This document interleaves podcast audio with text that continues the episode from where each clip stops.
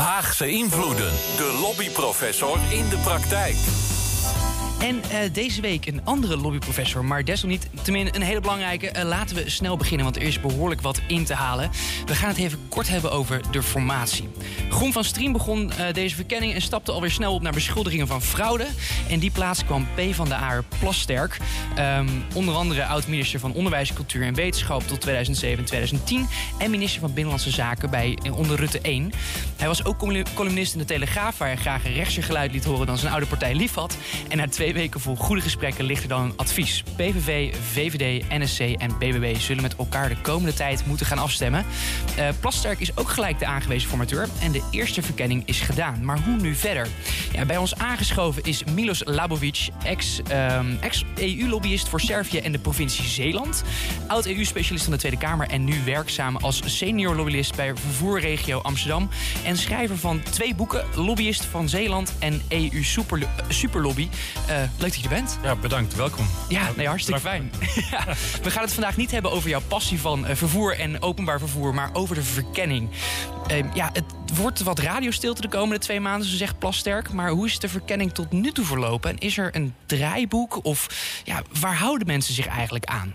Um, ja, hoe gaat het in zijn werk? Hoe zit het in historisch perspectief en wat er gebeurt nu allemaal achter de schermen? Milos, verlos ons. Ja, dat is natuurlijk uh, de, de hamvraag natuurlijk. En uh, toen ik wist dat de verkiezingen aankwamen, ben ik als een malle gaan lezen van hoe dat doorgaans gaat. Ik heb ten eerste geprobeerd uh, wat er formeel zeg maar, gaat gebeuren. Maar ik ben ook de geschiedenisboeken in gaan duiken. En ja, het is een intrigerend proces. Want aan de ene kant heb je hele stingente processen.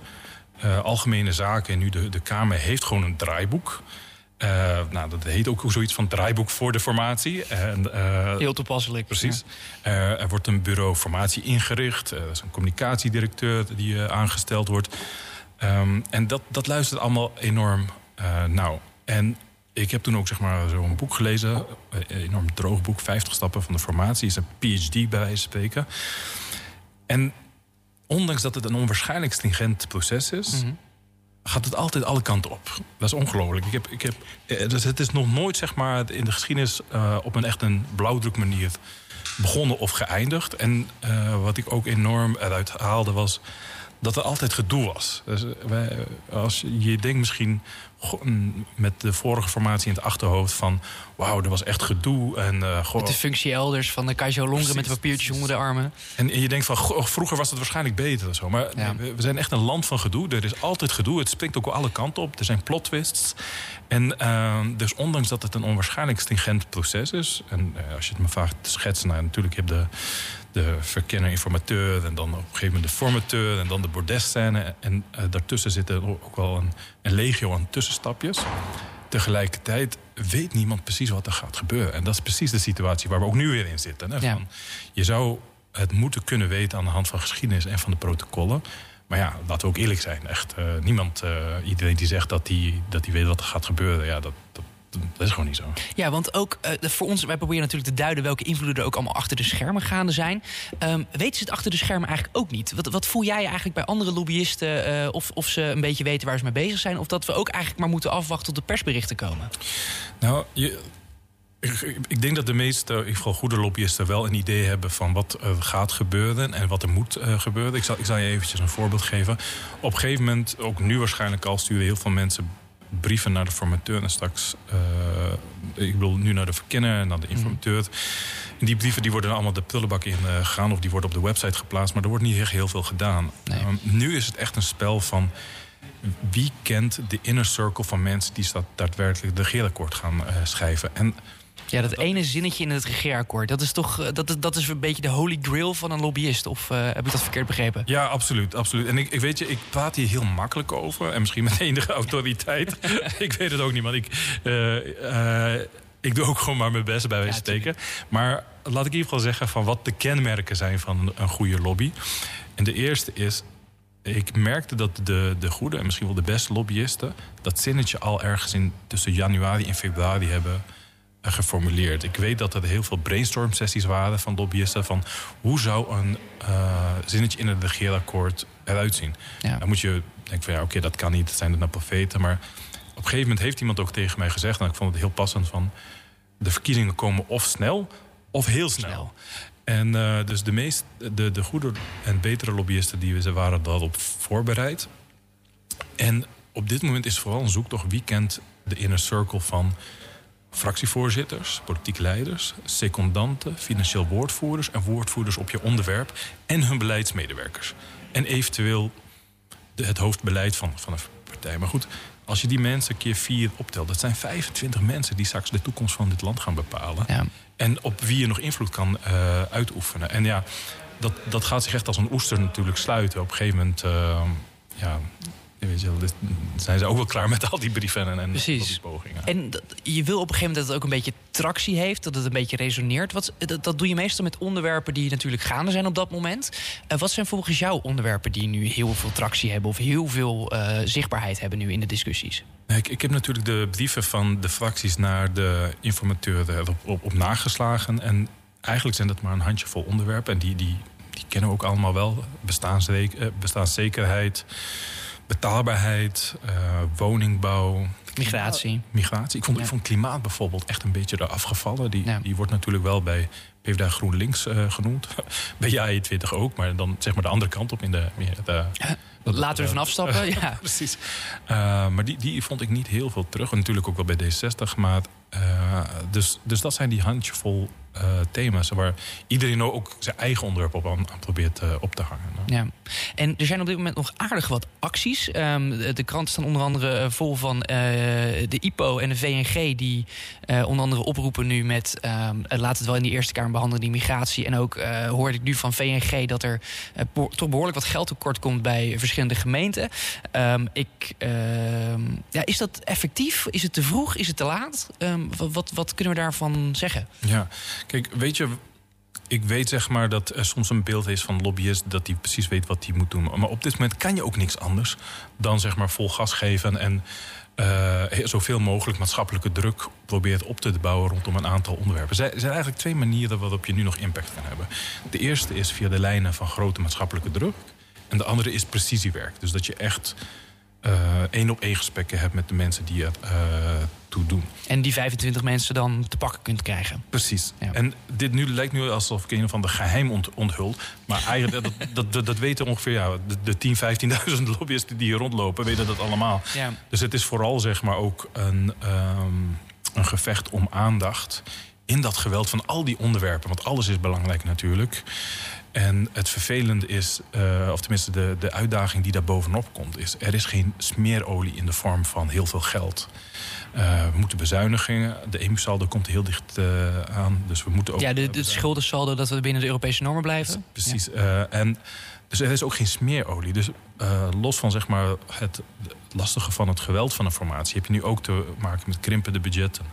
Waardoor je schreeuw om aandacht zeg maar, in dat geweld nog, nog, nog moeilijker wordt om om naar boven te laten drijven.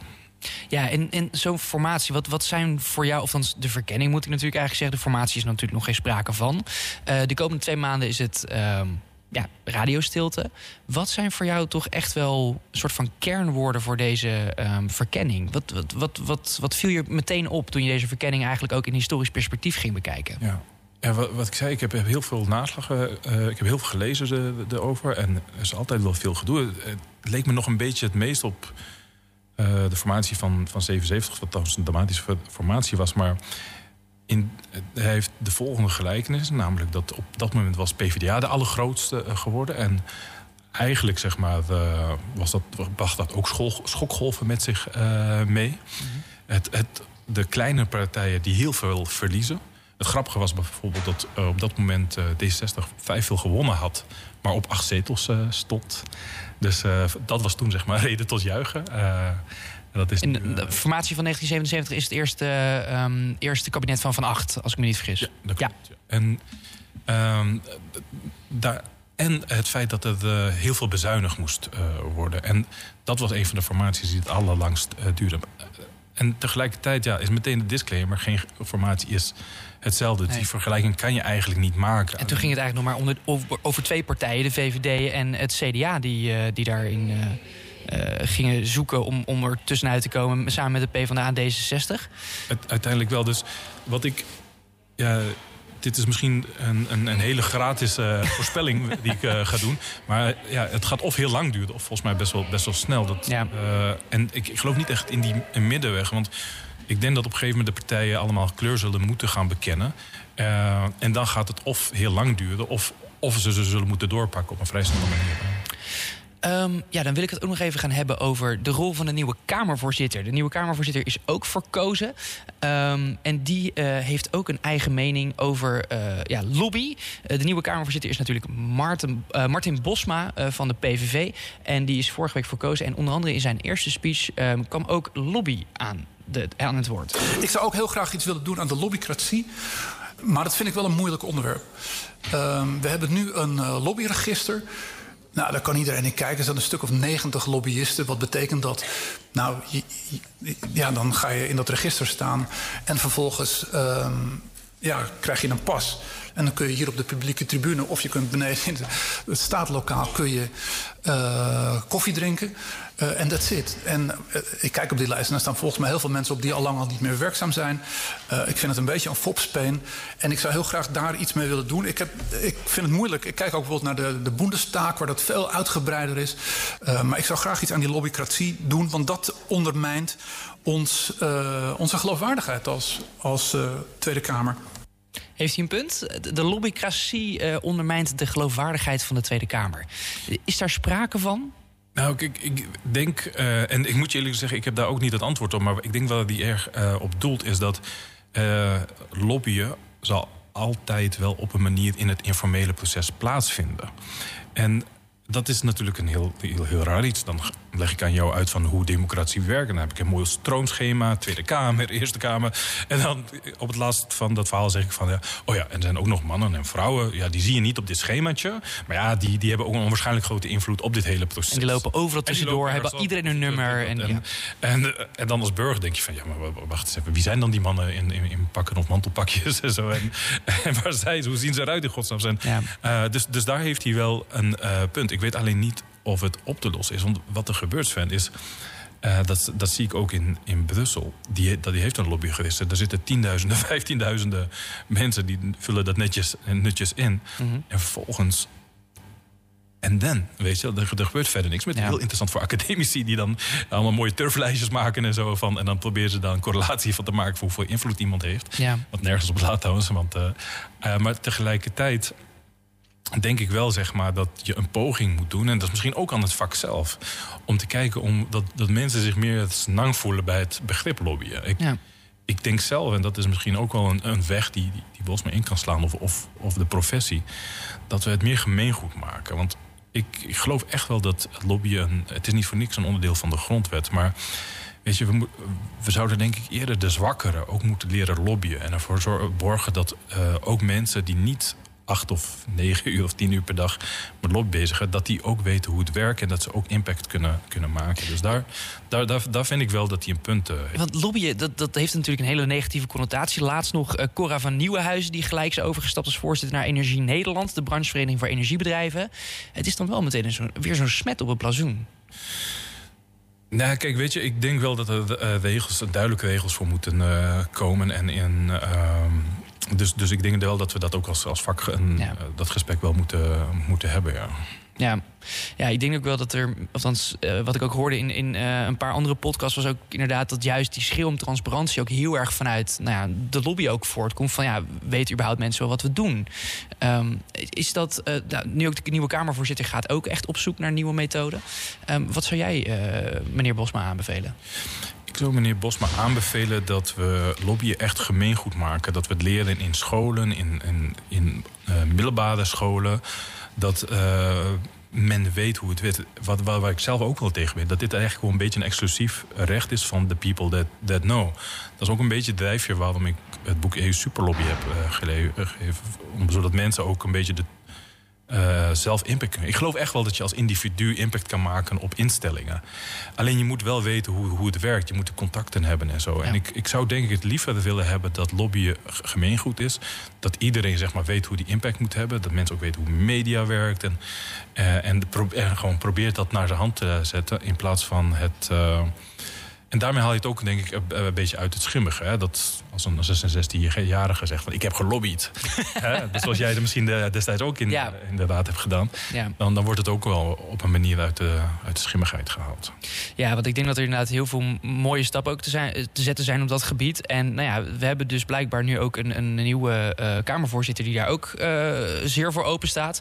Ehm, sta jij nog op die lijst trouwens van eh, het lobbyregister? Nee, volgens Om mij koffie te drinken en een pasje te Nee, hebben? volgens mij niet. En dat, dat komt, ik heb ook geen pasje gekregen. Ik, ik vroeg een pasje aan en ja, ze zeiden zoiets van... jij bent niet belangrijk genoeg of zo.